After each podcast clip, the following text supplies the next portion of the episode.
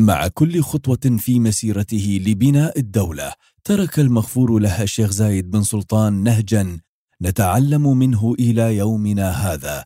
وبإيماننا في هذا النهج وصلنا العالمية. اليوم تحتفي دي بي وورلد بمسيرة تمتد لأكثر من خمسين سنة. شاركنا فيها في مسيرة بناء الإمارات مع الآباء المؤسسين. واليوم نتحدى المستحيل حتى نغير ما هو ممكن إلى ما هو أفضل. موانئ دبي العالمية. إرث إماراتي أصيل. Rising Giants Network.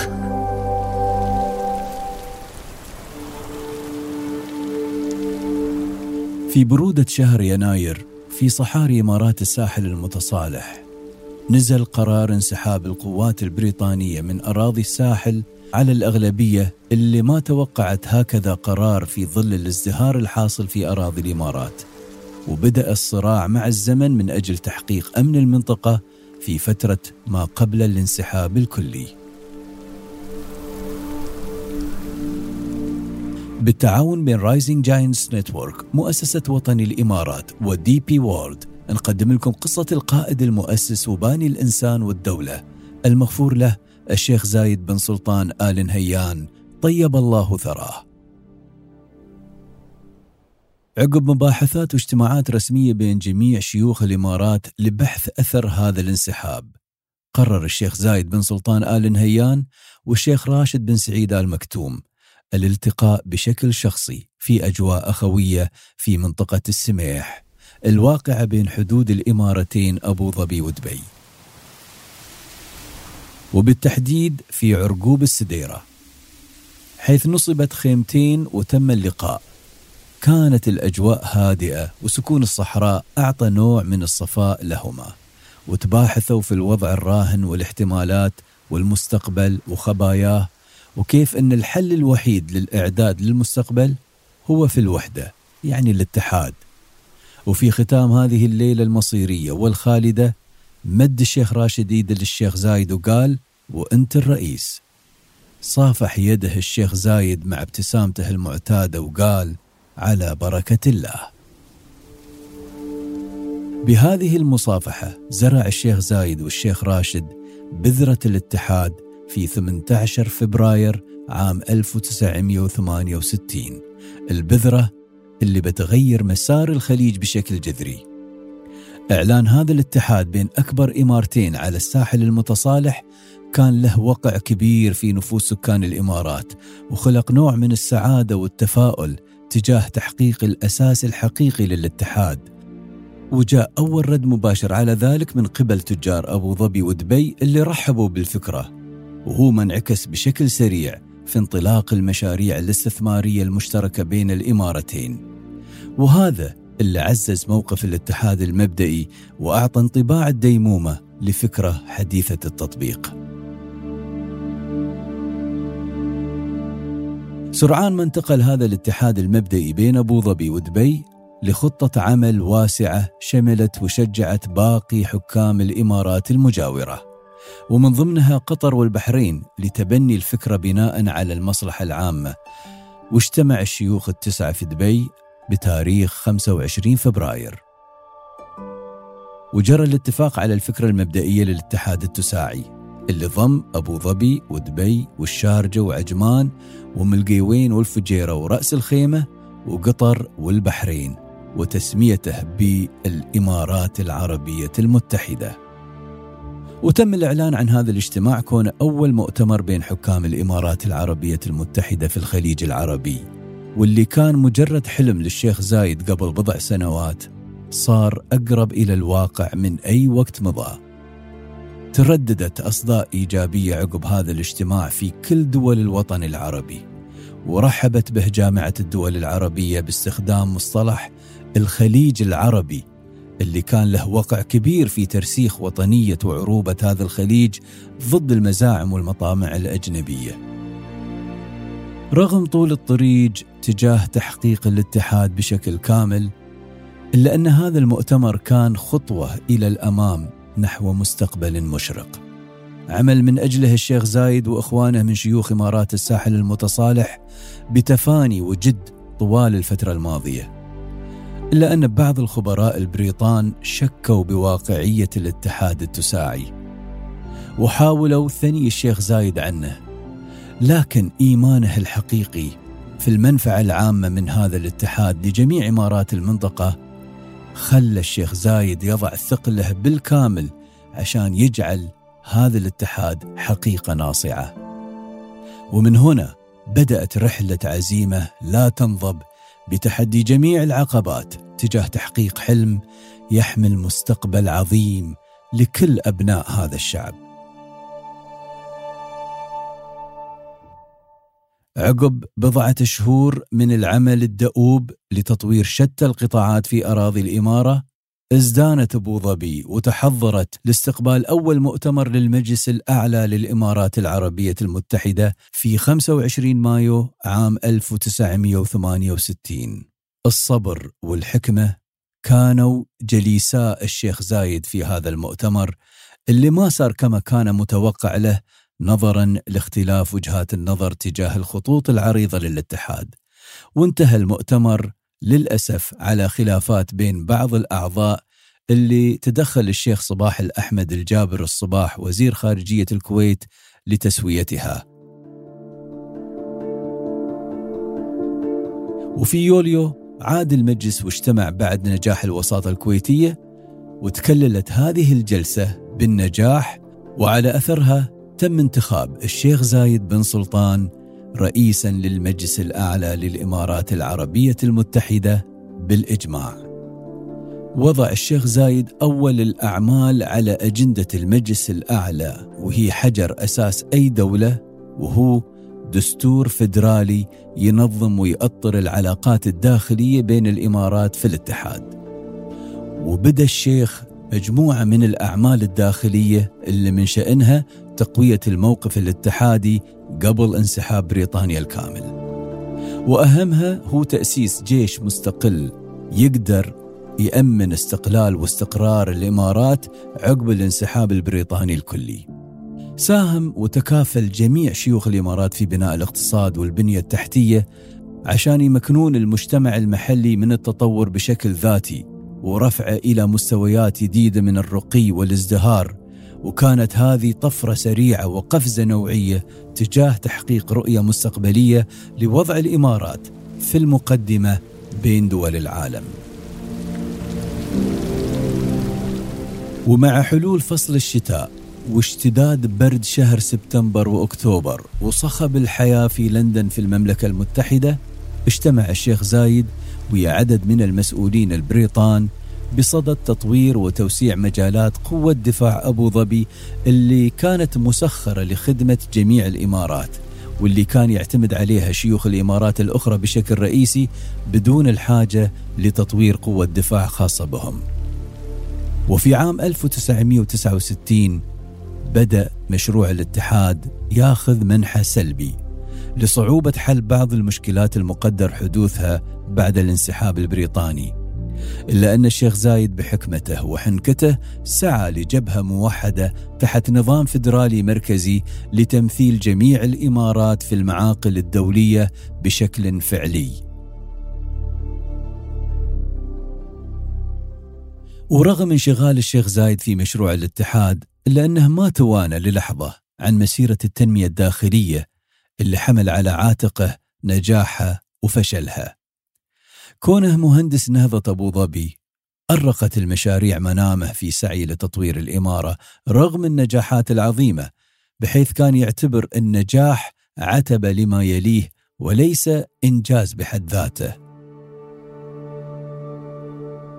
على الجانب البعيد من قارة أوروبا وفي لندن كانت انتخابات رئاسة الوزراء وشيكة وكان الحزب المحافظ جريب من الفوز بها.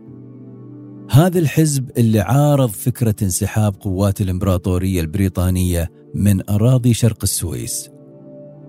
كان الوضع السياسي في المملكة المتحدة له أثر كبير على مجرى خطة الاتحاد بحيث انتشرت أخبار عن إمكانية عكس قرار الانسحاب في حال فوز الحزب المحافظ بالحكم مما أعطى المجال للمشككين بنجاح مشروع الاتحاد وخلق مساحة لمعارضة المشروع علانية مما أضعف إيمان سكان الإمارات بإمكانية تحقيق هذا المشروع الأشبه بالمستحيل. لكن عزم الشيوخ حكام الإمارات على المضي قدما بمشروع يضمن السيادة الكاملة على أراضيها كان هو الدافع الأساسي لصد أي تأثير خارجي بحيث ما عاد الاتحاد معتمد على فكرة وجود أو انسحاب القوات البريطانية لا ولكن أصبح هو الهدف الذي توحدت الرايات تحته. وفي صدد دراسة الوضع الراهن والمضي قدما اجتمع المجلس الأعلى للإمارات العربية المتحدة في دوحة قطر في 10 مايو 1969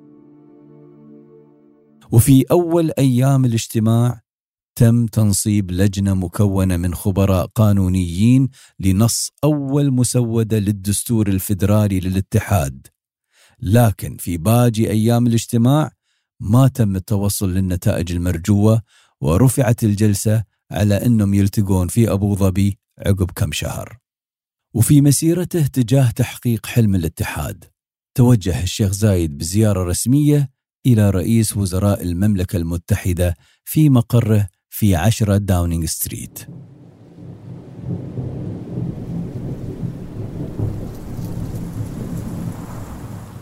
في قلب إنجلترا وفي شوارعها المبتلة بمطر شهر يونيو كان رئيس الوزراء السيد هارولد ويلسون شديد الترحيب بالشيخ زايد وقيادته الحكيمة لمشروع الاتحاد. وأثنى على عزيمته وتفانيه تجاه تحقيق مشروع بهذه الضخامة. وكان للشيخ زايد مقترحات تجاه الدور اللي يمكن أن تلعبه بريطانيا في سبيل تيسير المشروع. وحمل الشيخ زايد أخبار عن أجندة المؤتمر القادم للمجلس الأعلى للاتحاد. يا أكتوبر من نفس العام شايل معاه نجاحات اجتماعات الحكام في أبو ظبي. حيث تم التأكيد على رئاسة الشيخ زايد للمجلس وتعيين الشيخ راشد بن سعيد كنائب للرئيس. والشيخ خليفة نائب حاكم قطر كأول رئيس وزراء للاتحاد. واختيار أبو ظبي كعاصمة مؤقتة للاتحاد. لكن في الأيام الأخيرة للاجتماع تم طرح بعض الأمور العالقة من اجتماع الدوحة. وأيضا أخذت الأمور منحى سلبي من هذه النقطة وختمت عام 1969 بدون تحقيق الإنجازات المرجوة من مشروع الاتحاد. رغم جهود وتفاني الشيخ زايد إلا أن عام 1970 بدأ بشكل سلبي على مشروع الاتحاد. ورغم ذلك كان قد حقق هدفه المعنوي بتوطيد العلاقات بين الإمارات وجمعها تحت مظلة العمل المشترك. حتى في غياب حلول ترضي جميع الأطراف بدأت تميل إمارات الساحل المتصالح لتكوين علاقات داخلية تنظم سياستها. بناء على طرح مشروع الاتحاد حتى في غياب حلول ترضي جميع الأطراف بدأت تميل إمارات الساحل المتصالح لتكوين علاقات داخلية تنظم سياستها بناء على طرح مشروع الاتحاد لكن بصفة عملية دون أن يطرأ أي تغيير على خطة الاتحاد.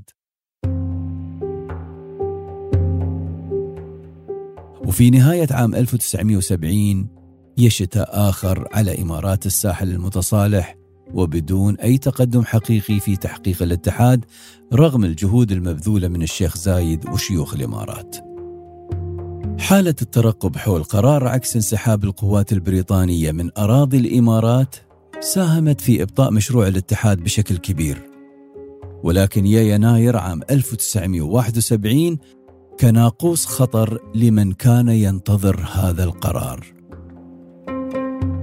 أكدت الحكومة المشكلة من الحزب المحافظ في البرلمان البريطاني على قرار الانسحاب من أراضي شرق السويس.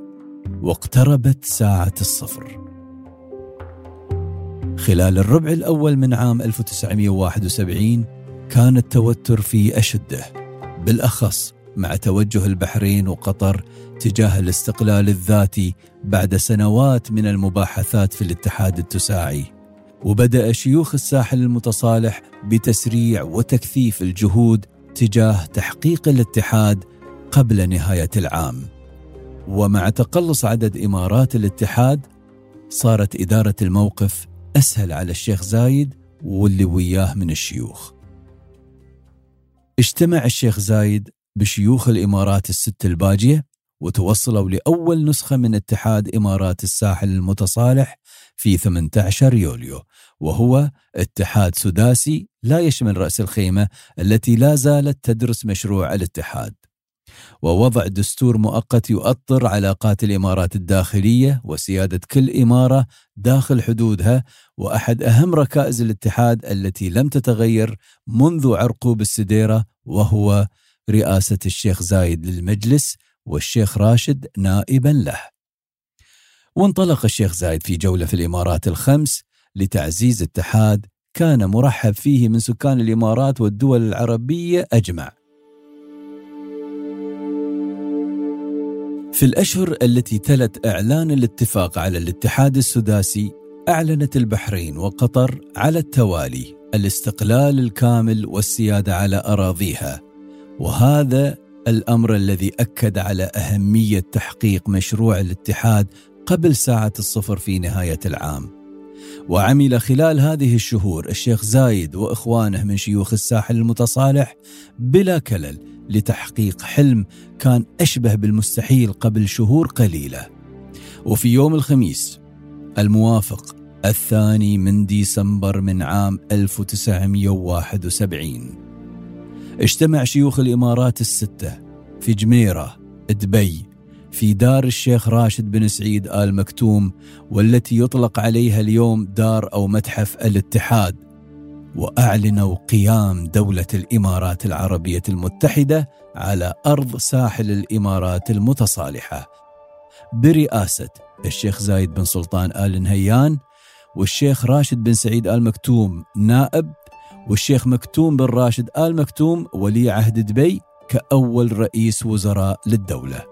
ومع هذا الإعلان أطلقت 21 طلقة مدفع في دبي معلنة ولادة الدولة الإماراتية الحديثة. وبعد حوالي شهرين انضمت إمارة رأس الخيمة للاتحاد وتشكل الاتحاد السباعي اللي نعرفه. ألغى الشيخ زايد كلمة المستحيل من قاموس جميع من شهد هذا العمل العظيم وخلده شعب الإمارات الوفي عبر ترديدهم لنشيد الاتحاد الوطني. اسلمي يا دولتي بالاتحاد. في حصون المجد عن ضيم الأعادي في أمان وفي سداد وفي رشاد. وفي نعيم مستمر مستعاد. في الفدا لك كلنا مخلص وفادي. وفي الضماير لك محل وفي الفوادي. يوم نيران المعارك في التقادي لك نلبي كلما نادى المنادي يا بلادي يا بلادي يا بلادي. نبذل الأرواح من أجلك سخية ما نبالي بالمخاطر والمنية. الشجاعة والكرم فينا سجية من مواريث الجدود الأولية كلنا يا دارنا جند وسرية وانت بشعبك على العادي قوية يحرسك ربي لنا حرة وبية. ما ينالك شيء من ضيم الأعادي يا بلادي يا بلادي يا بلادي. راية التوحيد والوحدة رفعنا وللكتاب اللي لها يدعو سمعنا وللزعيم اللي حكم فينا أطعنا. وفي طريق الحق نمشي ما رجعنا. نعم زايد لي على الوحدة جمعنا ونعم مكتوم زعيم له تبعنا حافظين العهد نوفي ما خدعنا شعبنا ونمد للوحدة الأيادي يا بلادي يا بلادي يا بلادي.